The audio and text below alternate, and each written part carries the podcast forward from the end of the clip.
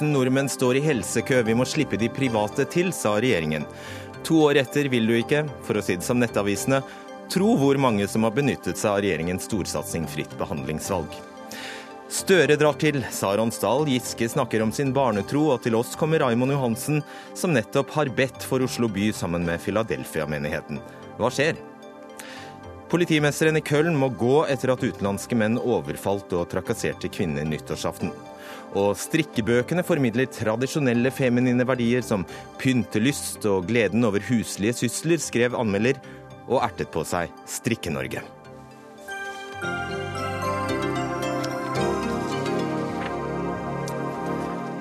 Og før ukas siste Dagsnytt 18 er over, blir det også duell mellom høyskolen, som ansetter kjendiser som forelesere, og universitetet, som holder seg for god for sånt. Jeg heter Fredrik Solvang. Tallet er åtte. Åtte personer i hele Norge har benyttet seg av regjeringens prestisjefylte helsereform fritt behandlingsvalg. Selv om regjeringen i valgkampen for to år siden gjentok og gjentok at minst 230 000 nordmenn sto i helsekø, har altså bare åtte personer på Modum Bad valgt å benytte seg av tilbudet, siden det ble tilgjengelig 1.11. i fjor. Helseminister Bent Høie fra Høyre, hvor stusslig er ikke det? Åtte personer i løpet av to måneder. Nei, Det er nok eh, sannsynligvis eh, mer enn det, men det er åtte personer som er utbetalt eh, eh, fra Helfo til. Men det er òg flere pasienter som har fått hjelp. og det som er bra nå... Er mange titalls tusen, da? som vi ikke... Eh, nei, ikke mange titalls tusen. Dette har vært eh, siden 1.11. Men det som vi ser, det er at nå er det 19 ulike private behandlingsinstitusjoner som har meldt seg på og ønsker å delta i denne ordningen. og Det betyr at vi kommer til raskt helt andre tall. og Det andre som er viktig, det er at hele reformen den har jo virka lenger. og Nå står det altså 35 000 færre pasienter i helsekø enn når Arbeiderpartiet styrte Helse-Norge. Det, viser... det, det, skjønner jeg ikke. Altså, Åtte personer har fått statlig refusjon, og de sier at køen er, er, har minket med 35 000. Hvordan... Ja, det er helt riktig. Køen eh, siden vi overtok eh, ansvar for Helse-Norge har redusert med er redusert med 35 eh, 000 pasienter. 25 000 bare det siste året. Ventetiden Hvor har de blitt, da? går ned. Nei, De har fått behandling, heldigvis. Og det skyldes ikke minst at behandlingen i den offentlige helsetjenesten økte dobbelt så mye i vårt første år i regjering som det han gjorde i Arbeiderpartiet sitt siste år. Det er nettopp fordi at fritt behandlingsvalg-reformen den handler både om å bruke ledig kapasitet hos de private aktørene, men det handler òg om å gi de offentlige sykehusene større frihet, fjerne taket for hvor mange pasienter de kunne behandle, og òg øke den andelen av betalingen som de offentlige sykehusene har fått fordi de behandler flere pasienter. Ålreit. Torgeir Micaelsen, Arbeiderpartiets helsepolitiske talsperson. Bent Høie sier jo da at 35 000 har forsvunnet ut av eh, køen. Men du har hengt deg opp i dette tallet på åtte. Ja, så La oss ta det tallet som er hyggelig først. At eh, det er færre som venter nå enn for eh, tre år siden, da vi hadde en topp etter mange år med veldig vanskelig periode i norske sykehus. Så mener jeg at det er all grunn til å gi honnør. Først og fremst de sykehusene som står på og organisert seg på en bedre måte, og dermed fått ned behandlingskøen. Det skjedde de siste årene vi styrte, og det er en trend som har fortsatt med Bent Høie som helseminister. Regjeringen gjør selvfølgelig også noe som er bra. Men vi må huske på hva slags kontekst dette ble eh, diskutert i før valget. Jeg er helt sikker på at det var mange pasienter som syntes det var forlokkende å stemme på han som sitter ved siden av meg, altså Bent Høie. For når han lovte at ikke det var noen titusener som skulle få økt, eller altså kortere behandlingstid, det var, skulle bli unødvendig å ha helseforsikring privat. Køene skulle nærmest bli borte. og Nå har han altså vært helseminister i snart to og et halvt år. Og den spisseste delen som vi nå snakker om, denne såkalte privatiseringsdelen, har altså så langt, på offisielt svar til Stortinget Høie, gitt altså åtte pasienter behandling. Du har kastet bort så enormt mye tid på veien som kunne vært brukt til å få langt mer effekt enn disse eh, pasientene som så langt har fått behandling. Det er jo noe det er jo noe rart her. Du sa, og dere sa, 230 000 nordmenn står i helsekø. Ja, og, hvis, og nå står det 35 000 færre i kø. Og åtte har så langt fått refusjon. Altså, det er jo et stort sprik her. Det, det, er jo helt meningsløst å henge seg opp i de åtte. De åtte er altså en ordning Dette er en ordning som trådte i kraft 1.11. Etter 1.11 kunne de private institusjonene søke om å bli godkjent. Det var fem som fikk godkjenning før jul. En av de Modum Bad var raskest ute eh, og få godkjenning, og de begynte raskest å behandle pasienter. Der er det åtte pasienter som har fått eh, oppgjør for, som er betalt ut penger for. Men det er selvfølgelig flere pasienter enn det som har blitt behandla gjennom denne ordningen. Men hele mitt poeng er at det er nettopp den totale reformen som gir resultatene. Resultatene skal man bli målt på. Det er at ventetiden går ned, og at eh, færre pasienter står i kø. Og det er helt riktig, under Arbeiderpartiet økte både køen og ventetiden. Nå er køen gått ned, ventetiden går ned. Men er du enig i at uh, de siste årene, da f.eks. Jonas Gahr Støre var helsemester, så gikk også ventetidene ned, og det var færre som sto i kø? Ventetiden gikk litt ned, men ikke færre sto i kø. og Det som er viktig men, er bare for å avslutte den, for du forleder lytterne når nei. du driver og påstår at det er din fortjeneste på din vakt at det er nå først at ventetidene har gått ned og at færre står i kø. Det er feil. Nei. Dette er en trend som fortsatt, altså begynte lenge før Et øyeblikk. Et øyeblikk. Dette var, et øyeblikk, nå var det jeg som det, Nei, jo, men du snakker ikke sant? Nå må jeg snart avbryte begge to. Resultatene taler for seg sjøl. Eh, antallet pasienter som fikk hjelp økte dobbelt så mye i mitt første år som helseminister som i det ene året Jonas Gahr Støre var men helseminister. Dette er, dette er sånn tallek. Ja, og det er ikke så interessant heller. Altså, jo, det er veldig interessant. Nei, fordi det, det betyr ikke faktisk, for det temaet vi Jo, absolutt. Og det viktigste er at en ruspasient i dag har nå på dette tidspunktet over 150 ulike behandlingssteder en kan velge mellom. Flere av de tilbyr en ventetid på én uke. For en rusavhengig som er motivert for å bli rusfri, betyr det veldig mye. Før måtte en vente i månedsvis. Okay. Grete Aasved, du er administrerende direktør i Aleris, eh, og eh, dere er Norges største private sykehus. Sammen med Volvat blant andre, så vil ikke dere være med på denne reformen til Dagens Næringsliv tidligere i uka. Sa du at eh, dere ikke vil levere helsetjenester med lavere kvalitet enn vi leverer til alle våre pasienter. Hva mener du med det? Først vil jeg korrigere litt når det gjelder reformen, for den handler jo ikke bare om fritt behandlingsvalg, den handler også om økt anskaffelse gjennom anbud. Og i det regnestykket som eh, disse herrene krangler om, så er det faktisk også slik at vi har behandlet atskillig flere gjennom anbud også den senere tid. Eh, og der har de veldig klare krav til kvalitet. De regionale helseforetakene er vår største kunde. og Det er da jeg bare få, ja, Det er greit, Åsved, men eh, den biten av fritt behandlingsvalg som var ja. ny, og som ble debattert i løpet av valgkampen 2013, handlet slett ikke om økt bruk av anbud.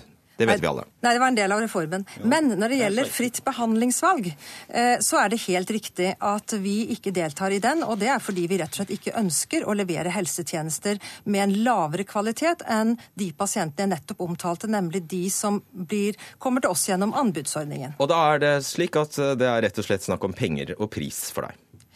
Eh, det er snakk om penger til å dekke så, så akkurat det som har med løpende kostnader å gjøre.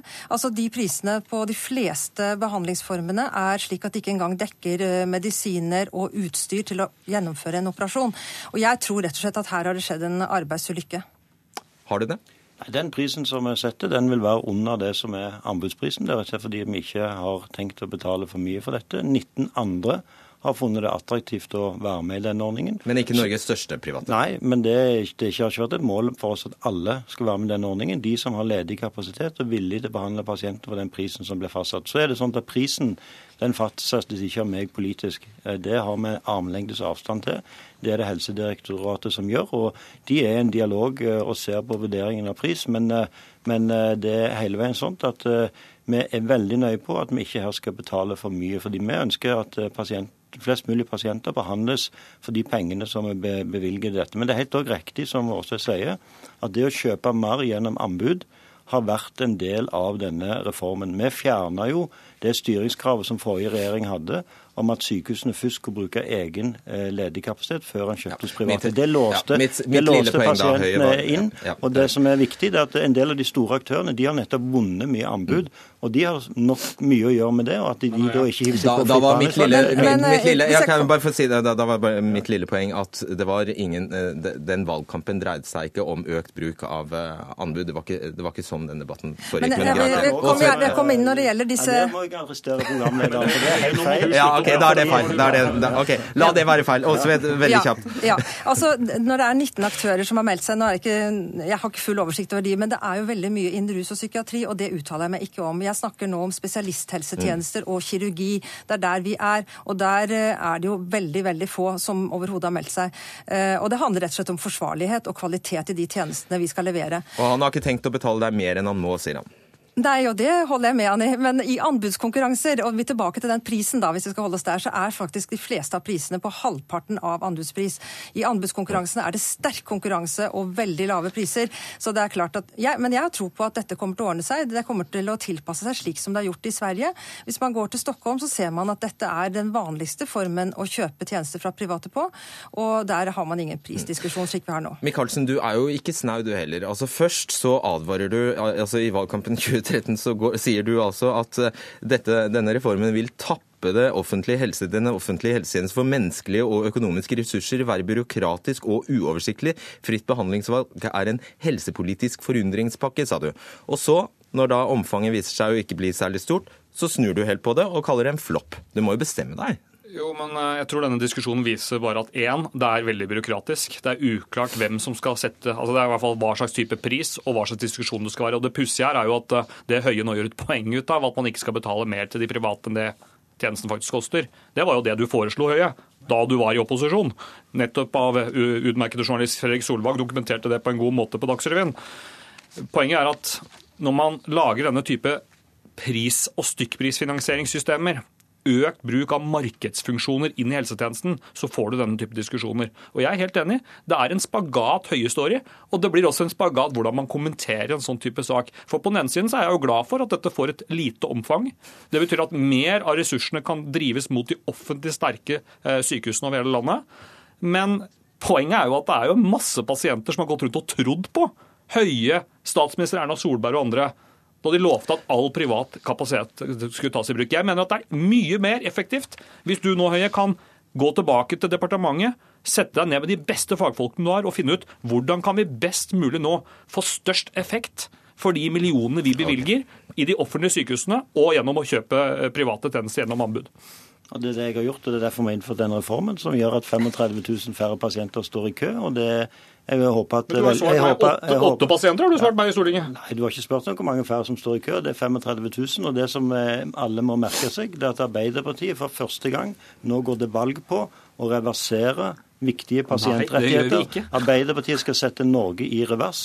De satt i regjering, ventetiden økte, køene økte. Vi overtok ansvaret, køene igjen går ned, ventetiden går ned. Og jeg er helt enig i i at dette er en reform som eh, kommer det gå seg til, og kommer det gi enda bedre resultater. Jeg, tror, jeg mistenker Åsved, for å mene at det bare skjer hvis du setter prisen opp. Men du skal få siste ordet, Åsved. Hva blir konsekvensen hvis altså denne reformen ikke endres, og prisene ikke endres, og dere fremdeles, dere og mange andre ikke fremdeles fremdeles ikke vil være med. Hva blir konsekvensen for helsekøene i Norge da? Jeg eh, tror faktisk at det ikke vil ha så store konsekvenser, fordi anbudene er, Vi er tilbake til de at eh, det at det offentlige samhandler med private gjennom offentlige anbud, hvor det stilles strenge kvalitetskrav, det må bare fortsette å øke, slik at vi virkelig leverer gode tjenester til lave priser. Så er dette med fritt behandlingsvalg er en sikkerhetsventil, så vidt jeg har skjønt det. Ja. Eh, og gjør de regionale helseforetakene jobben sin, gjør helseministeren jobben sin, så er det egentlig ikke veldig mange pasienter som skal trenge den reformen. Når det er sagt, hvis det ikke skjer noe med disse prisene, så kommer ikke vi til å delta. Men hvis det ikke er så stort behov, så er det kanskje ikke så stort problem heller. En sikkerhetsventil, da vet vi det. Det er det den er. Ja, og det kalte jeg det òg for før ja. Eh, valget, og dette har gitt resultatene. Og sykehusene vet at hvis ikke de behandler pasienten innen den tiden de skal, mm. de offentlige sykehusene, så har pasienten muligheten til å gå til, muligheten til å gå til private. Og det har gitt resultater. 35 000 færre pasienter står i kø. Ja. Tusen takk, alle sammen.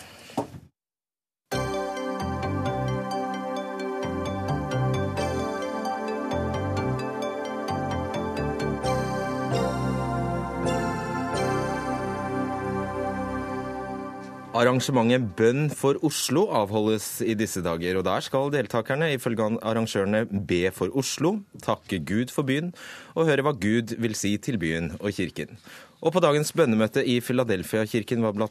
du, Raimond Johansen, byrådsleder for Arbeiderpartiet i Oslo. Hvordan var det å være på bønnemøte?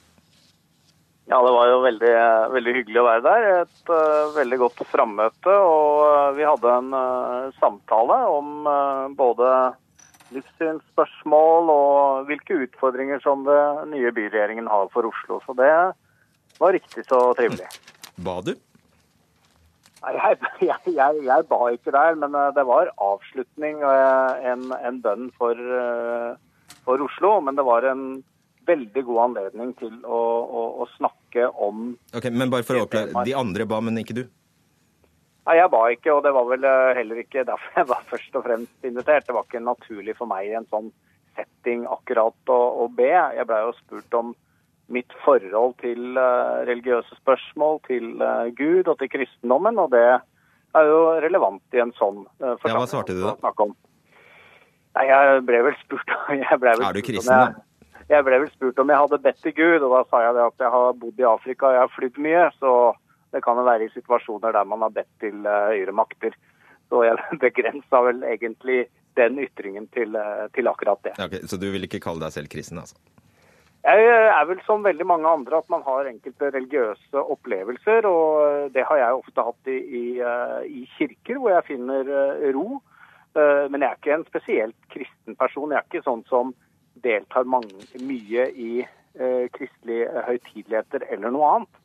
Men eh, graden av religiøsitet, det er jo, eh, er jo litt mer eh, Ja. Jeg er vel ikke en veldig religiøs kristen person, men det å opple oppleve noe som kan oppfattes som religiøst, da er jeg vel til felles med veldig mange. Ellers er jeg en veldig rasjonell og vil vel si faktaorientert person. Da vet vi det. Takk. Fridtjof Jacobsen, politisk kommentator i VG. Du skriver i dagens eh, avis at Arbeiderpartiet driver en systematisk kampanje overfor KrF og Kristen-Norge. Er dette et eksempel på det? Eh, Ja, det faller i hvert fall inn i et større bilde. Eh, altså det, det er ganske mange kristne i Oslo. Dette er et svært kristent arrangement. Så jeg skal ikke det at en byrådsleder eller byregjeringsleder eller hva den formelle tittelen til Raymond er, jeg er litt usikker, men, eh, men at man møter opp på noe sånt. Eh, Ordførere pleier å møte opp på sånne ting. Sånn, det, det, det er nok ikke så unaturlig. Det er litt, eh, litt eh, Man sperrer opp litt øynene når akkurat det er Raymond Johansen, som vel er i en tradisjon i Arbeiderpartiet som ikke har vært utpreget religiøs. Jonas Gahr Støre har jo vært mye mer tydelig i sin gudstro og vært på pilegrimsferd osv. Eh, mens Raymond Johansen og også Jens Stoltenberg for saks skyld har jo vært fremstått som typisk på en måte litt ukristne mennesker. da, eh, I en mer, eh, mer sånn ureligiøs arbeiderpartitradisjon. Og Derfor så har jeg valgt å skrive altså, at, at det, det går inn i et mønster hvor det er et åpenbart altså, politisk strategisk mål for Arbeiderpartiet å knytte hvert fall lage en mulighet for at KrF skal være med på deres parlamentariske grunnlag. Eh, Og jeg tror sånne ting som dette er jo populært selvfølgelig i KrF og i Kristen-Norge. At man bruker sin eh, hva si, avgrensede tid til f.eks. å bruke en morgen på, på et sånt møte. Er du så kynisk, Raymond Johansen? Nei, jeg skulle noen ganger ønske at jeg var så strategisk klok som det Fridtjof eh, sier. Jeg brukte også tid på å besøke moskeer. Det er, det er for meg eh, altså, Det var mange hundre, eller over 150-200 som var på et sånt møte. Og velger ofte å starte dagen på, eh, ved å delta på bønnemøter og andre ting. Noen drar på Agenda morgen, noen drar på Civita-frokost og får påfyll for det. Men jeg tenker at for byens ledelse så er det jo viktig å ha kunnskap om, om hva som skjer, og det religiøse miljøene er en del av det. Om det nå er kristne, Ja. Muslimske eller noe, eller lavkirkelig, høykirkelig, så syns jeg det er en god anledning til å møte, møte folk, rett og slett. Så valgte du Jesus i dag. Ja. Ja, det var mitt utgangspunkt i dag, var å møte. Og jeg har jo også så veldig stor respekt for dette miljøet. Det er mange som gjør en stor frivillig innsats. Eh, Det å bekjempe ensomhet, som vi snakket mye om, her spiller disse miljøene en viktig rolle. Så det var også et uttrykk for å gi en honnør til eh, den delen av frivilligheten som ikke minst det lavkirkelige miljøet i Oslo Men, representerer. men bare en liten tilleggsopplysning er jo at eh, Raymond Johansen har jo selv sagt at han har vært bekymret for at Arbeiderpartiet eh, har snakket om eller vært i kontakt med, med Kristen-Norge på en måte som ikke har gitt det nok respekt, eller, eller ikke vært interessert nok i det. Så jeg tror det liksom blir litt sånn at dette kunne like gjerne vært en moské eller Kristin Clemet Civita-frokost eller Agenda morgen. Det, det, det rimer i hvert fall ikke helt med, med det du har sagt før, Raymond, at det har vært viktig for, for deg å knytte Arbeiderpartiet noe nærmere inn til Kristen-Norge, og i hvert fall ikke skape en avstand mellom Arbeiderpartiet og Kristen-Norge som du mener ikke burde være der. Ja, det, er, det, er, eh, det er riktig, men eh, her ble jeg spurt om akkurat dette arrangementet var en del i en større strategi. Og her var jeg svarte egentlig ja på en invitasjon. Ja, vi får tro deg på det. Der jeg tenker at ja, Det tror jeg ikke vi skal Det er det riktige. Men å vise respekt for ulike religiøse miljøer, det mener jeg er, er, er, viktig også for et stort kristent parti som Arbeiderpartiet. Vi rommer jo det meste, og vi er jo også det største kristne partiet, selv om vi også er sikkert det største ateistiske og agnostiske partiet også. Helt sikkert. Andreas Halse, SV-medlem og skribent. Du syns ikke det er like naturlig at Raymond Johansen og andre Arbeiderpartipolitikere deltar på slike arrangementer? Jeg syns nok ikke det. Og i motsetning til Fridtjof Jacobsen så er ikke jeg like overrasket heller. fordi Raymond Johansen sa jo selv til Vårt Land i 2013 at Arbeiderpartiet hadde gjort en for dårlig jobb med å mobilisere Kristen-Norge. Og når vi ser på det arrangementet her nå, så er det tre stykker som eh, innleder før, før bønn. Det er tre Arbeiderpartipolitikere som er sentrale i Oslo. Jeg tror ikke det er veldig tilfeldig. og det... Ja, Men gjør det noe? Ja, altså jeg tror det gjør noe fordi det vi opplever nå, er jo en større konkurranse om ganske konservative kristenvelgere som skjer mellom Fremskrittspartiet, KrF og Arbeiderpartiet. Og jeg eh, syns vi ser tegn på at det er i ferd med å få politiske konsekvenser allerede. Vi ser at uh, den regjeringen som sitter nå, har gitt etter for kristenvelgerne i spørsmål om mer kristendom inn i skolen. Arbeiderpartiet har i tråd med den strategien her begynt å lefle med kontantstøtten. Og så ser vi også at religiøse argumenter blir opphøyd som liksom eh, et selvstendig argument i seg selv. Sånn som når alle politikerne på Stortinget valgte å gå for at omskjæring av guttebarn skal være lovlig, så er det kun på religiøst grunnlag. At da valgte man å gi den religiøse dimensjonen en så stor makt som man aldri hadde godtatt hvis det ikke hadde eksistert en religiøs begrunnelse. Så det jeg er mest bekymret for, er ikke at Raimond var akkurat på besøk her osv., men den, den, litt sånn over tid-tendensen til at religion er litt på vei tilbake i politikken fordi konkurransen om disse velgerne blir hardere, det er jeg litt bekymra for. Som det rasjonelle vesenet du påberoper deg å være, Raymond Hansen, så ser du vel alt Halse sier? Ja, det er absolutt veldig viktige ting som Andreas eh, tar opp her. Og jeg tror man skal være, og det er jo også i enhver forsamling, veldig tydelig på min egen verdiforankring. Det jeg snakket om i dag, var bl.a. behov for å vise solidaritet i forhold til flyktninger. Opptatt av eh, klimaspørsmål, som jeg også ser på som et verdispørsmål. Det er jo egentlig å bruke alle de arenaene hvor folk, eller de steder hvor folk er, til å kunne snakke politikk. Og det er mange som deltar i religiøse sammenheng. Og det at man da er der, får anledning til å uh, presentere mm. sin politikk, sine verdier, det mener jeg er veldig klokt. Men hvis det betyr at man endrer oppfatning på veldig mange uh, sentrale spørsmål som uh, Andreas her tar opp, så er det en annen diskusjon enn faktisk å delta og fortelle hva man ja. mener, og hvilke ambisjoner man har på vegne av byen. Jacobsen, ligger det noen risiko for Arbeiderpartiet i den strategien? Hvis vi skal se litt større på det, Raymond Johansens besøk i dag var liksom et godt eksempel på en litt større trend, nemlig Arbeiderpartiets systematiske tilnærming til KrF. Eh, og ikke nødvendigvis altså de mer sånn veldig konservative miljøene på Vestlandet, sånn, men akkurat KrF eh, sine kristne, men kanskje litt sånn kristendemokratiske, kristen-sosialdemokratiske velgergrupper. Eh, Hareide er et godt eksempel. Eh, og det, det, det, tror jeg rett og slett er et regnestykke. Altså får, får, man KrF over på sin side etter 2017, så har man større sjanser for å ende med statsministeren. Og kampen om KrF kan havne på vippen, er veldig viktig å ha de inne. Man ser i Bergen også, hvor, hvor Arbeiderpartiet har valgt å samarbeide med KrF og Venstre i sitt byrådssamarbeid, isteden istedenfor f.eks. SV, som ble skjøvet ut av det. Så man har liksom en nyorientering inn der. Og det er klart det ligger, noen, det ligger nok noen risikomomenter der. Eh, fordi at er på en del sentrale politikkområder for KrF så er det veldig stor avstand mellom Arbeiderpartiet og KrF. Det gjelder i spørsmål som har med alt med biotek å gjøre, eggdonasjon. Eh, det gjelder en del om eh, abort, tolkning av abortloven, og det gjelder selvfølgelig også i spørsmålet om Israel. Hvor mange kristne velgere er nok på et helt annet liksom, ståsted i Midtøsten-saken enn det spesielt AUF er, men også mange i Arbeiderpartiet. Eh, så det, vil bli kronglete, en sånn type samarbeid. Men så er det på en del andre felter. Så finner man jo veldig fort sammen eh, på ja, både på en del velferdsordninger og en del mer sånn eh, økonomisk praktisk politikk. Der er jo KrF altså relativt fleksible, får vi si. Litt avhengig av hvem de holder med til enhver tid rundt omkring der hvor de samarbeider. Dere, vår tid er ute. Gå i fred. Takk skal dere ha.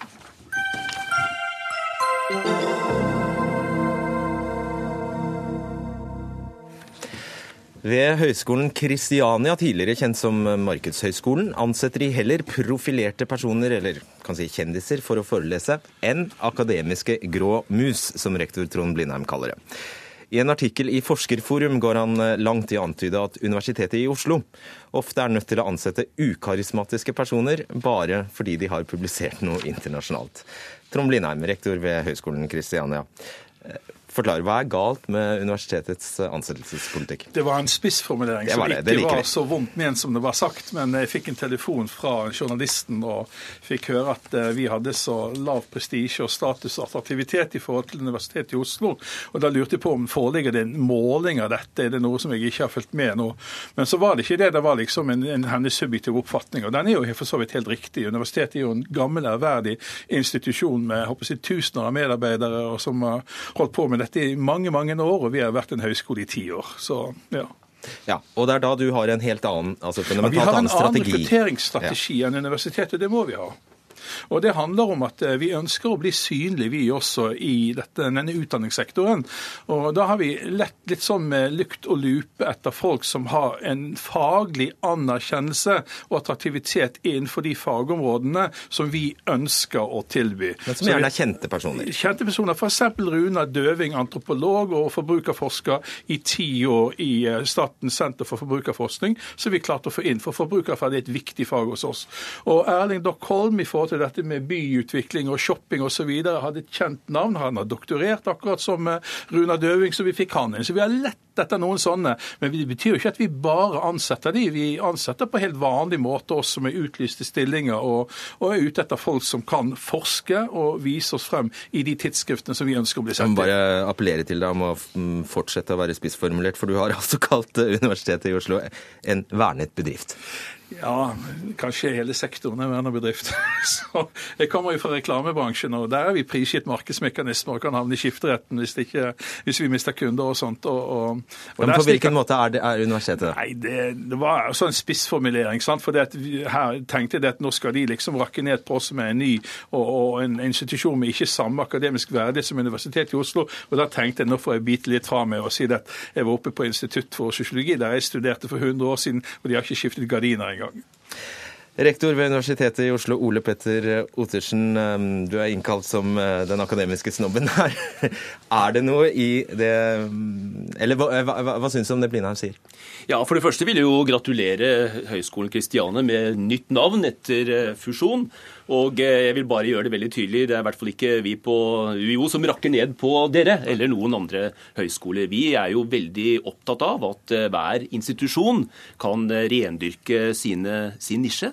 Og gjøre det godt innenfor de områdene de satser på. Men en sånn ansettelsespolitikk Men jeg er kjempeglad for å høre nå at det er spissformuleringer vi snakket om. For jeg kan ikke dy meg for å si enn jeg måtte klype meg selv i armen litt grann, når en institusjon i vår sektor antyder at det viktigste rekrutteringskriterium er at man allerede har en eh, sterk profil i media. Det er flott å ha en sterk profil i media, ikke misforstå, men det grunnleggende for enhver institusjon i vår sektor, det er jo forskning av høy kvalitet. Det må være utgangspunktet for alt. Og også selvsagt for undervisningen, så jeg vil jo lure på også hvordan studentene på Høgskolen Kristiania reagerer når de ser at eh, ja, kriteriet for rekruttering er profilering i media. Det er ikke det beste utgangspunktet for god undervisning. Nei, altså, vi, altså Hvis vi ser på rekrutteringen hos oss, da, så ønsker vi å eh, rekruttere rene forskere som har doktorert innen fagområdet sitt, og som publiserer i de tidsskriftene vi vil bli sett i, som har anerkjennelse og på høyt nivå. Og så vil vi ha si, folk som har en anstendig utdanning, gjerne selvfølgelig en masterutdanning, for det er kravet for å kunne undervise på en høyskole, men som har ekspertkompetanse ved at de har vært i de bransjene som utøvere som vi utdanner for, gjerne i 10-15 år.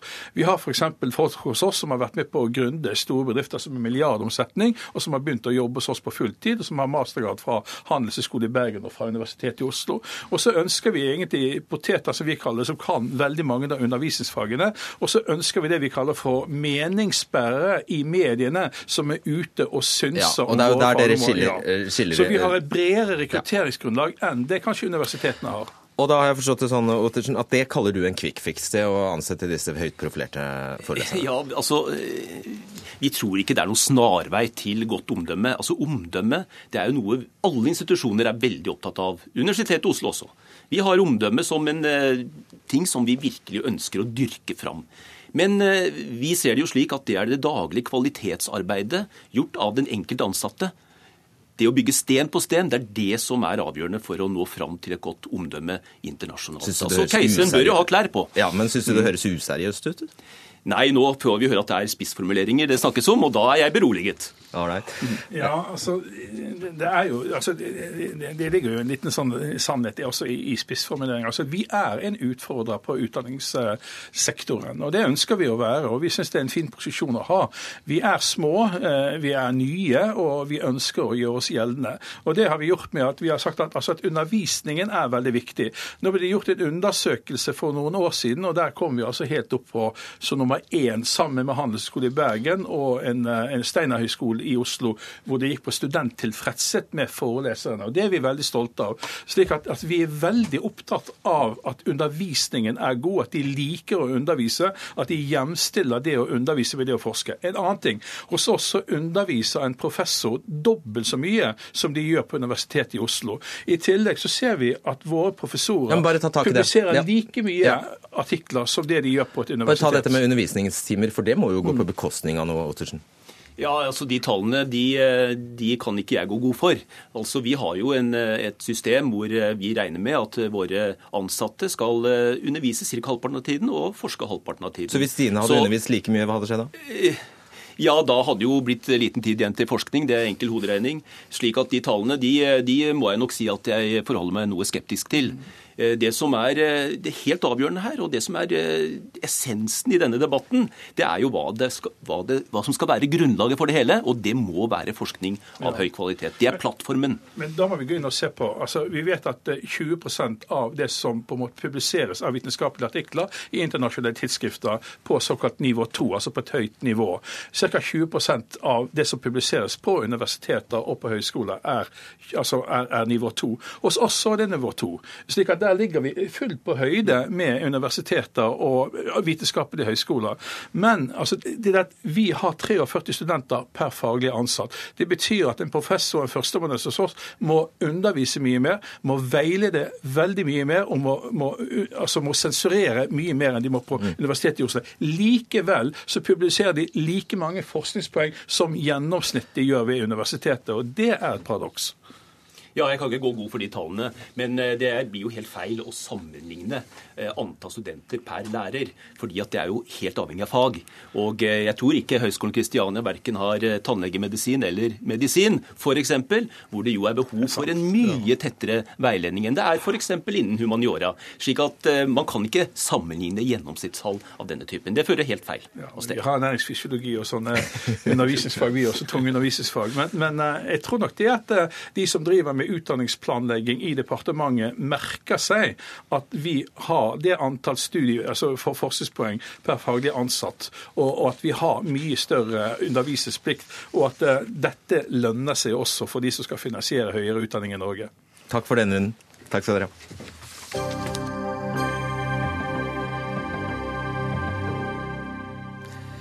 31 personer er mistenkt for å stå bak en rekke overgrep og av eh, trakassering av kvinner i Köln i Tyskland nyttårsaften. Eh, Så langt har politiet fått 121 meldinger om seksuelle overgrep mot kvinner, tyveri og kroppsskader. Og I ettermiddag ble politisjefen i Köln suspendert. Kvinnene har forklart at de ble utsatt for seksuelle overgrep fra gjenger med utenlandske menn. Astrid Sverresdotter Dypevik, du er historiker og journalist og skriver nå bok om Tyskland. Hva er status i etterforskningen? Du har fulgt tyske, tyske aviser. Ja, det har jeg. Eh, ja, du, du kom jo med veldig mye her, men eh, det, var, det er to personer som er arrestert, har jeg forstått, men de ble også, tror jeg, satt på frifot i dag. Eh, og det er Altså det, det, det, det verserer hele tida nye tall på anmeldelser. Jeg las 200 anmeldelser, hvorav ca. 150 var for seksuelle overgrep i, i Køln i dag. På, det var fra Der Spiegel. Så det, det, jeg tror det kommer vel til nye tall eh, hele tida også her. Eh, Men det er vel sånn at man eh, at, at Politiet sa i dag at de hadde 31 mistenkte, og at av de så var 18 asylsøkere, eller muligens eh, asylsøkere. Men at ingen av de her asylsøkerne, av de 18 asylsøkerne som var mistenkt, var mistenkt for å ha begått seksuelle overgrep. Sånn vi at, ja. ja, så det, er veldig mye som er uklart her med, med hensyn til hvem som har gjort det. da. Mm. Men når vi snakker om at dette er utenlandske eh, menn, du snakker om asylsøkere. Hvor i verden, hvor, hvor i verden kommer de fra? Jo, altså det, det, som blir sagt, er jo at de er fra, fra Nord-Europa eller fra, ifra Nord-Afrika, mener du? Ja, ifra, ja, beklager. Eh, fra, fra Nord-Afrika eller ifra, ifra, ifra Midtøsten. Men det, men det, vet de jo strengt tatt ikke heller, fordi at eh, det er snakk om en menneskemengde på ca. 1000 personer som var foran Hauptbahnhof eh, midt på natta på nyttårsaften. Eh, og da, da, det skjedde, så tok politiet personalinformasjon fra ca. 100 personer. Og ut fra de så er det, mange, så er det også flere andre nasjonaliteter. Man, eh, altså, Det man baserer det på at de er fra Nord-Afrika eller, eller, fra Midtøsten, det, altså, det er vitnemål at de så ut som de var derifra. Ja. Så, bare så det er sagt. Bare så det er sagt. Robin ja. Allersrud er seniorforsker ved Institutt for forsvarsstudier og opprinnelig tysk. Hvordan har denne saken, eh, Hvilken oppmerksomhet har denne saken fått i Tyskland? Den har selvfølgelig fått enorm oppmerksomhet, også fordi det ikke bare var i Köln, men også i andre tyske byer at man uh, opplevd lignende uh, overgrepssaker, om ikke i samme størrelse. Altså at en gjeng med menn ringer seg rundt omringer, omringer kvinner? Overfaller til nærmest uh, kvinner, hovedsakelig. Uh, stjeler, men også begår seksuelle overgrep. Så, så et mønster som har uh, ja, vært i, i, flere, i, flere, tyske byer, større tyske byer, nyttårsaften. Hva er det mediene skriver om det? Ja, noe av det samme som, som, som skrives her. Eh, sjokk eh, over, over, omfanget spesielt. Eh, liksom at man har den type problemer kanskje sent om natten med grupperinger av menn, og også med utenlandske menn og, som man ikke kjenner så godt. Det er et kjent fenomen. Men omfanget er nytt. Og Det har skapt stor oppmerksomhet. og Det som er spesielt nå, er jo at den knyttes direkte inn i den betente flyktningdebatten. Og dermed um, er det ikke bare stor bekymring blant befolkning, uh, en stor sak i media, men det har også gått rett inn i den politiske debatten. Ja, La oss ta tak i det. Eh, Angela Merkel får jo unngjelde her. Mm. Angela Merkel for eksempel, får jo unngjelde for sin reaksjon. Ja, ja, og det er veldig mange som, eh, som tar det rett på hodet. Det er både i hennes eget parti og også det her eh, partiet Alternativet for Deutschland, som er et innvandringskritisk parti som har fått et eh, kraftig oppsving i forbindelse med, med alle flyktningene som har, som har kommet til Tyskland. Og De sier jo på, på, forskjellige måter at hun har skyld fordi at hun har invitert så mange til å komme dit, og at antallet flyktninger har skapt en så ukontrollerbar situasjon. da. Mm. Hva er oppfatningen generelt om politikernes eh, altså, eller, Nei, la oss ta dette med politiet. Altså, Politiet blir altså beskyldt for først å dysse ned. Eh, eller for, egentlig først å ikke ha greid å, å, å avverge det, og så for å dysse ned. Er det noe i det? Virker det som det er noe i det? Ja, absolutt. Derfor måtte politipresidenten gå av i dag også. Og det er ikke hovedsakelig for måten han, er, han, eller politiet har håndtert denne krisen midt på natten. Det var krevende nok, for det som, som det blir beskrevet her, veldig uoversiktlig. Tusenvis av mennesker. Eh, eh, vanskelig å kontrollere, vanskelig å skille folk fra hverandre. Meget uoversiktlig, vanskelig. Men, og de fikk også kritikk for det, og ikke har vært mange nok, ikke har krevd forstyrkninger osv. Men det han må gå av for, det er håndtering i etterkant. Ehm, det er måten det, dette blir kommunisert. Og kanskje det verste var at han skapte inntrykk av å skjule noe. Eh, for han sa at det hadde vært en rolig nyttårsaften? Det var en rolig nyttårsaften. Um, og, og, også at uh, han kunne ikke si at det var folk med innvandrerbakgrunn. Så, så det er kanskje den, liksom det viktigste, eller det mest problematiske med den, den, saken nå i etterkant, at det skaper et inntrykk av at myndighetene har skjult noe. Mm. Og det svekker jo tilliten til myndighetene myndighetene ytterligere i en situasjon hvor det som, som ble sagt, er eh, politisk debatt, eh, og man har en generell mistanke at staten ikke kan ivareta eh, borgernes interesser. Og Sånn sett så minner jo denne saken litt om den vi husker fra Rotherham i Storbritannia. husker dere Der, de, ja, altså der liksom 1400 jenter ble misbrukt av pakistanske menn i flere tiår uten at politi og myndigheter gjorde noe med det. Er, er, sies det nå i Tyskland at noe av årsaken til at politiet få, eh, reagerer eh, slik det er, frykten for å piske opp stemning, frykten for å ødelegge en god stemning i et multikulturelt samfunn osv.? Det, det kan hende at det er sånne, sånne, hensyn som spiller inn, men det man skal vite her, er jo at, at de vet jo faktisk ikke hvem gjerningsmennene er, og at i Tyskland så har man en viss varsomhet i alle saker med å opplyse om gjerningsmenn sin nasjonalitet der det ikke er relevant. Og i dette tilfellet så visste man jo faktisk ikke hvem som var Gjernings, altså, så vet man jo ikke så mye om gjerningspersonene heller, annet enn en utseendet deres. Altså, og det kan jo være, altså, det kan være barn av innvandrere, det kan være barn av arbeidsinnvandrere. Altså, så, altså, man, så, så, lenge man ikke vet det, så syns ikke jeg at det er så rart at man eh, er litt, vars, eh, er litt varsom heller, da. Nei, jeg bare lurte på hva sånn, mediene refererte. Ja. Mm. Ja. Politipresidentens forklaring eh, er ganske interessant og, illustrerer ganske godt den problematikken. Fordi han sa at han ville nyansere. Han ville ikke komme for raske konklusjoner i første omgang og ville være litt varsom. og Det er jo egentlig bare å rose han for, og også rose politiet for at de først har en grundig etterforskning før de kommer med forenklede eh, konklusjoner. Men sånn er ikke verden i dag. Liksom, debatten går med en gang på sosiale medier. Det lekkes dokumenter, det lekkes rapporter før de har en eh, oversiktsbilde som tåler dagens lys. Og dermed skaper en situasjon som, som skaper utrolig mye press på politikerne og også på politiet. Og det er selvfølgelig mange nok som står klare til å utnytte en slik situasjon. Eh, til slutt, eh, eh, til slutt Dybvik. Ordføreren i Køln, Henriette Rekerund, har sagt at det er viktig å forebygge at slike hendelser aldri skjer igjen. Forebyggende tiltak er da regler for oppførsel for unge kvinner og jenter, slik at slike ting ikke skjer med dem. Ja. Kvinnene får, for ansvaret. Ja, og det har jo mange reagert veldig kraftig på, og kanskje spesielt også at ei kvinne går ut og sier det. Og hun mente nok eh, veldig godt, sånn som kanskje mange har ment, eh, ment ting godt i denne saken her, da, men så, så, kom det veldig feil ut, det også, da, at man oppfatter at hun legger skylda på ofrene og ikke si f.eks. til de som har tenkt å gjøre sånne ting, at de kanskje burde holde seg hjemme, eller Ja, det er mye, mye annet som kan gjøres òg. Mm. Tror vi sier tusen takk til eh, dere der. Astrid Sverresdottir Dybvik og Robin Allers.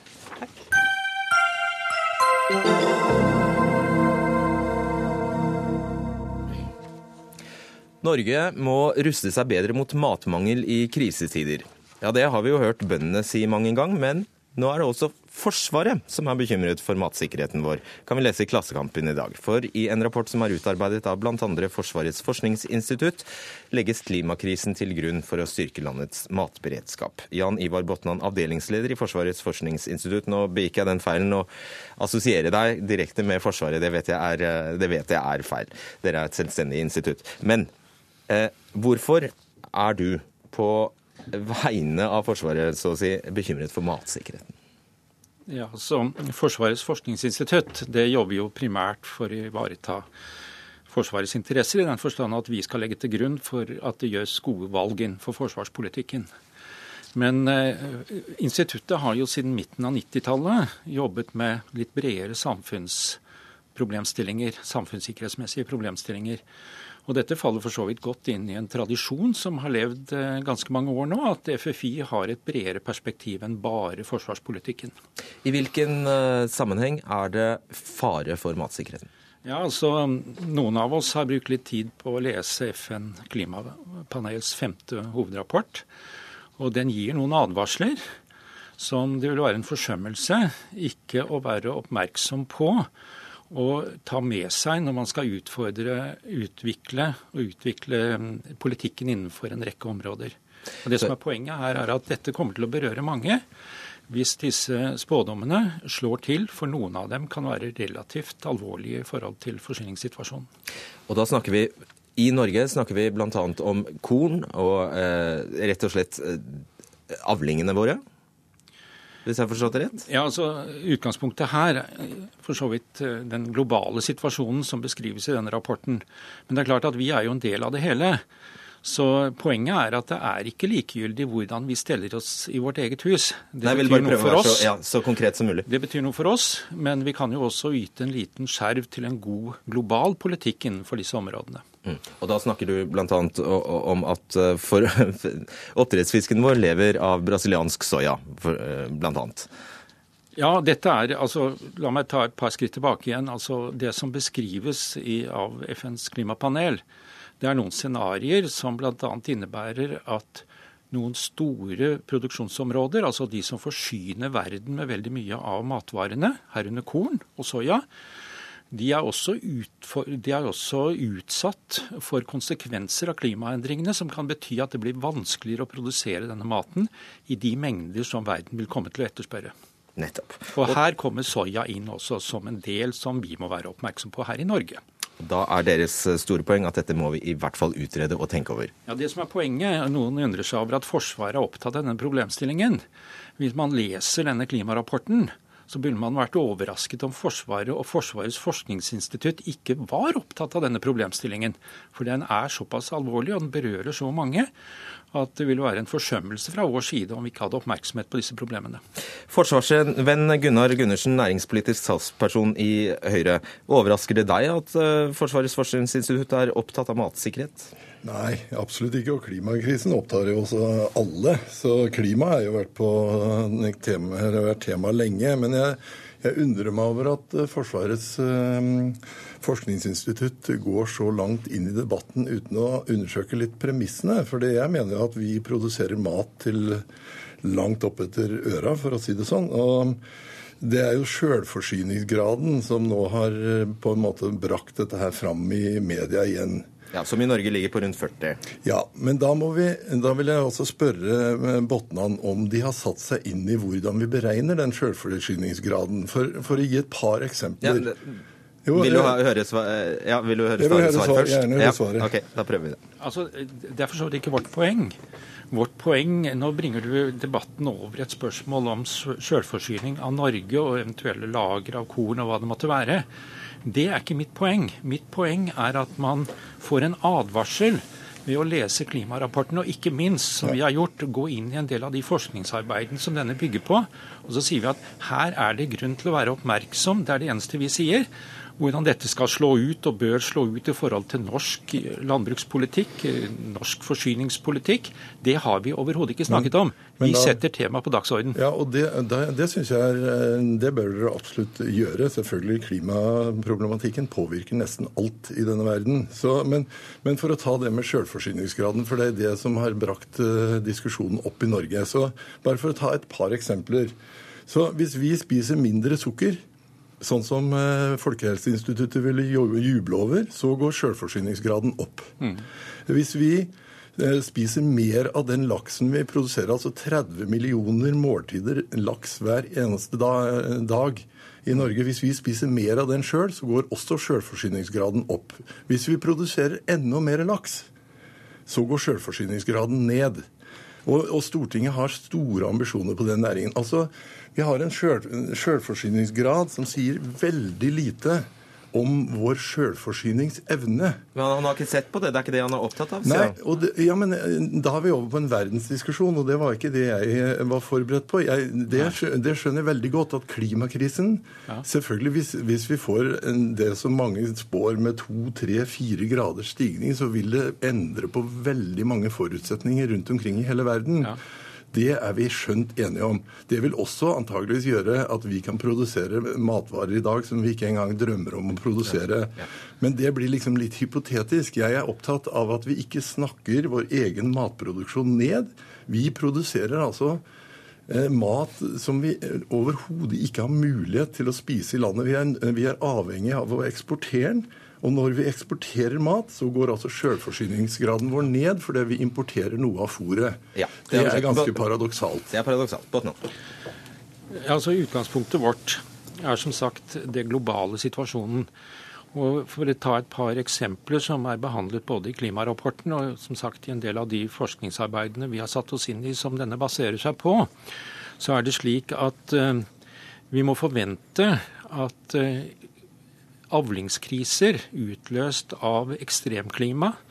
Det kan være tørke eller ekstremt høye temperaturer, som vi har sett i Europa i dette århundret også. Så vil dette føre til Altså, klimaet vil føre til at slike hendelser vil opptre hyppigere i fremtiden. Mm. Og hvis vi får disse krisene hyppig, og ikke minst hvis de kobles sammen på en slik måte som kan skje hvis, eh, hvis noen av disse globale værfenomenene skulle skulle tilsi det, som f.eks. El Niño, så, mm. så, kan dette bli alvorlig svikt i tilbud av matvarer på verdensmarkedet. Som på kort sikt kan bety utfordringer for norsk forsyningspolitikk og norsk næringspolitikk. Gundersen, jeg syns jo dette høres ut som mat for en utredning. Nei, altså, jeg, ja, selvfølgelig. altså Alle vil jo følge med på det her, for da snakker vi på verdensbasis. Og det, og det er klart at der har Forsvarets for, forskningsinstitutt et veldig godt poeng. altså det, Matkriser kan føre til betydelige kriser. Det tror jeg er uomtvistelig. Men, men nå er jo også Norge ganske heldig der. da, altså Vi bor jo i en del av verden der vi har nok vann vi vil få temperaturstigninger som gjør at som jeg sa, vi vil sannsynligvis da kunne produsere mat som vi i dag ikke drømmer om å produsere i Norge. Så, så igjen, så det er igjen mer en sånn verdenskrise. Og det, det, vil, det vil overraske meg hvis ikke FFI var opptatt av. For det, det er klart at sult opplever store deler av verden sult pga. sviktende forsyninger, så vil også mye av sikkerhetssituasjonen påvirkes sterkt. Det er vi skjønt enige om. Og Botnan, jeg har bare lyst til å spørre deg på tampen. Altså, Hvis vi da står overfor for et sånt ragnarok som, som, dere egentlig da beskriver, så er det jo veldig mange importvarer vi, også, vi vil eh, ikke klare å få inn i landet. Medisiner og bensin og alt mulig. Det er, det er veldig mye, mye som vil treffe oss da. Ja, altså dette samfunnssikkerhetstemaet, det er veldig komplisert. Og det er spesielt komplisert fordi at hvis vi rammes av ulike typer kriser, så er det gjerne slik at ikke de kan håndteres av én en enkelt samfunnssektor alene. Mm. Det krever et nært samarbeid mellom flere sektorer. Vi ser jo nå hvordan eh, politi og forsvar samarbeider om eh, de utfordringer de bør stå sammen om å løse. Og eh, under Justis- og beredskapsdepartementet så arbeides det jo veldig effektivt med nettopp å se sammenhenger mellom sektorer under kriser. Jeg tror vi sier tusen takk, Jan Ivar Botnan og Gunnar Gundersen. God helg.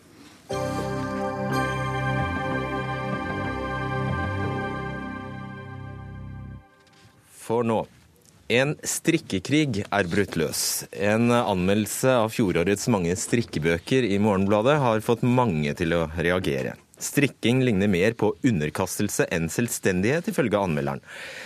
Kritiker og forsker i Statistisk sentralbyrå Espen Søby, det var du som tok for deg de, noen av de 50 strikkebøkene som kom i fjor. Hva forteller disse bøkene deg om eh, dagens kvinneideal? Ja, Anmeldelsene er jo et forsøk på å forstå den bølgen av strikkebøker som eh, vi opplever akkurat nå, med over 50 sånne bøker i løpet av et år, og kanskje bare like mange i fjor og kanskje like mange neste år, så er jo det et kulturelt fenomen som vi må prøve å forstå. Og da er det noen uh, veldig paradoksale ting som uh, kommer fram. Uh, spesielt da i forordene til disse bøkene som jeg har lest grundig. Og det er at de legger vekt på at disse bøkene skal fremme noe som er naturlig og ekte og kreativt. Også, mens, mens, innholdet altså i selve budskapet er altså å følge oppskrifter. Uh, veldig tvangsmessig, da. Og det, det, hvordan kan det altså For det første så er det et stort sprang da, mellom hva som blir hevdet, og hva som er det faktiske her. Og så er det um, altså en masse andre paradoksale ting, som at liksom, disse bøkene skal være en motvekt mot det kommersielle, en motvekt mot det oppjagede um, nettsamfunnet, ikke sant? Mens de fleste bøkene har jo egne nettsteder og egne salgskanaler. Sånn at altså bøkene her er bare en del av en større kommersiell pakke. Mm. Elisabeth Lund Andersen, du er redaktør i Norges største ukeblad Hjemmet, og har svart Søby i Morgenbladet og mener han vender vrangen ut. Hva er det han har misforstått? Nei, eh, det er jo vanskelig å, å, vite hvor man skal begynne. For vi, noen av oss syns det er veldig mange ting. Vi eh, skjønner rett og slett ikke agendaen. Du kan begynne med dette med, med et tradisjonelt uh, tradisjonelt eh, kvinne, kvinneideal. Altså, han sier at eh, bøkene formidler det mange oppfatter som tradisjonelle feminine verdier. Pyntelyst, ønske om å kle barna godt og fint, og gleden over huslige sysler. Ja, og da er jo et spørsmål hvorfor han syns det er så fryktelig at, eh, at, kvinner har andre interesser enn det han har. Jeg, jeg skulle jo gjerne sett den samme analysen over fotballinteressen. Uh, sett, uh, for jeg vet at du har brukt fotballmetaforer. For, eksempel, for å forklare hvordan du opplever din rolle som anmelder. Uh, så du har klart en interesse den veien. men veldig mange av oss ble skuffet fordi at hvis man skal anmelde strikkebøker, hvilket er en veldig god idé, så hadde vi jo håpet og trodd at det skulle bli gjort på et seriøst vis. Mens det, den oppleves både arrogant og ignorant, den eh, anmeldelsen. Eh, ignoransen din kan jeg gjøre ganske mye med. Jeg har tatt ut en masteroppgave om strikking her som du skal få av meg etterpå. Og så en uh, liste over forkortelser, så du har det, så du ikke liksom går deg bort i den typen ting. Eh, det fikser vi. Men, men, men det, det, det, som plager oss, det, altså strikking, eh, mulig en kvinnesyssel, eh, klart overvekt av det. Eh, men det, skulle... det, fremmer et tradisjonelt kvinnesyn, sier han. Ja, det, det skjønner jeg ikke. Jo, altså det er veldig Nei da, men altså det Um, ja, er, det ja, altså, er det altså, modellene i ja, altså, ja, for det, første, ja, for det første er det det. Altså, for det første er jo altså, alle er blonde, ikke sant. Og det er bare og, altså, altså det, der, det er jo faktisk ikke sånn at alle kvinner liker huslige sysler og liker å kle liksom ungene sine i, i, sånne luer med masse knapper og masse dusker og sånt på. Altså, det, dette, det er stereotypier av et gammeldags, nesten førborgerlig kvinnesyn som kommer til uttrykk i de strikkebøkene. Og det er de jeg har uh, anmeldt, ikke de som strikker. Altså, for der tror jeg det er uh, ma mange ting ute og går. Men det jeg etterlyser, det er at du setter dette inn i en, en større sammenheng. For dette er jo bare et bilde av tidsånden. Dette, dette, er ikke noe spesielt som gjelder strikking. Dette tror jeg ikke er veldig vanskelig å se hvis du titter rundt deg. Uh, det er det, Men er det noe å fremelske? Nei, men jeg, jeg ser ikke eh, Jeg, jeg syns det hadde vært veldig bra å hatt en debatt om, om liksom, eh, kvinnesynet, eller liksom kvinneidealet er eh, på vei tilbake, eller Det, det syns jeg. Men å ta strikkebøker isolert og ikke se hva strikkebøkene har av verdi, men gjøre det til en helt annen debatt enn, det strikkebøkene er lagd for, det syns jeg er veldig pussig. Ja, men de har en ideologi som er Som, som altså eller altså de flagger verdier som står i motstrid med den ideologien de også kommuniserer. Er du snill å gi oss noen helt konkrete eksempler, Søby? Ja, altså annet dette at eh, det skulle være at dette skulle være en sånn kvinnesyssel, da, som er en allmenn kvinnesyssel. Altså da er ikke, da, Her er ikke strikkebøkene engang på høyde med Eilert Sundt, som jo var den første som i Norge skrev om uh, strikking og kvinner. Og han var jo også romantiker, så han ville jo gjerne finne sånne kjønnsspesifikke sysler. Og til å begynne med så fant han jo, strikking, det var en kjønnsbestemt aktivitet, og det likte han, fordi han var jo romantiker. Men så fant han jo ut at på landsbygda og i byene så, strikk, så hadde de forskjellige strikkemetoder. Og så fant han ut eh, ved å gå rundt med klokke, så, så, telte han hvor mange masker de klarte å strikke i minuttet. Og da var det mye raskere i byene enn på landet. Og så fant han da ut at det var to strikketradisjoner som var forskjellige, og som dels sto i motstrid til hverandre, som ble drevet i byene og på landet. Og så, måtte han da, og, han, og så fant han da ut at dette var klassebasert, og da ble han forferda, for da måtte han gi opp forestillinger om sånne øh, egentlige, vesentlige verdier da, som var kjønnsspesifikke?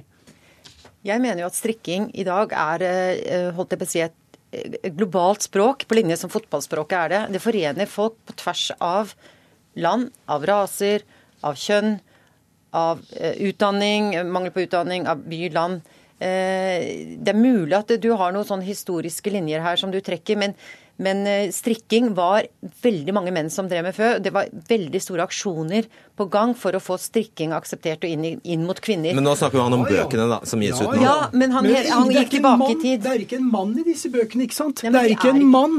Altså, Det var det jo på 70-tallet. Da huska jeg jo hadde, jeg, jeg, jeg, vil ikke si jeg hadde kamerater, men jeg kjente noen menn som strikka. Jeg var ikke tilhenger av det akkurat. Håper de strikka. Du hadde kamerater, ja da, men nei, det var ikke nære venner av meg som strikka. Men altså de strikka slips og liksom litt sånn eh, andre ting. Men det er jo du... ikke nå lenger. Nå er det sånne ting til å pynte ungene sine med, som er upraktisk. Vi må avslutte. Jeg, nei, jeg vil ha siste ordet. For det eneste reaksjonære kvinnesynet her, det målbærer du selv med å putte inn eh, pinup-uttrykk, ja. eh, shades of great, inn i din anmeldelse. Det er faktisk Takk skal dere ha. Ansvarlig for Dagsnytt 18 var Ida Tune Øresland, teknisk ansvarlig Finnli, og i studio Fredrik Solvang. God kveld.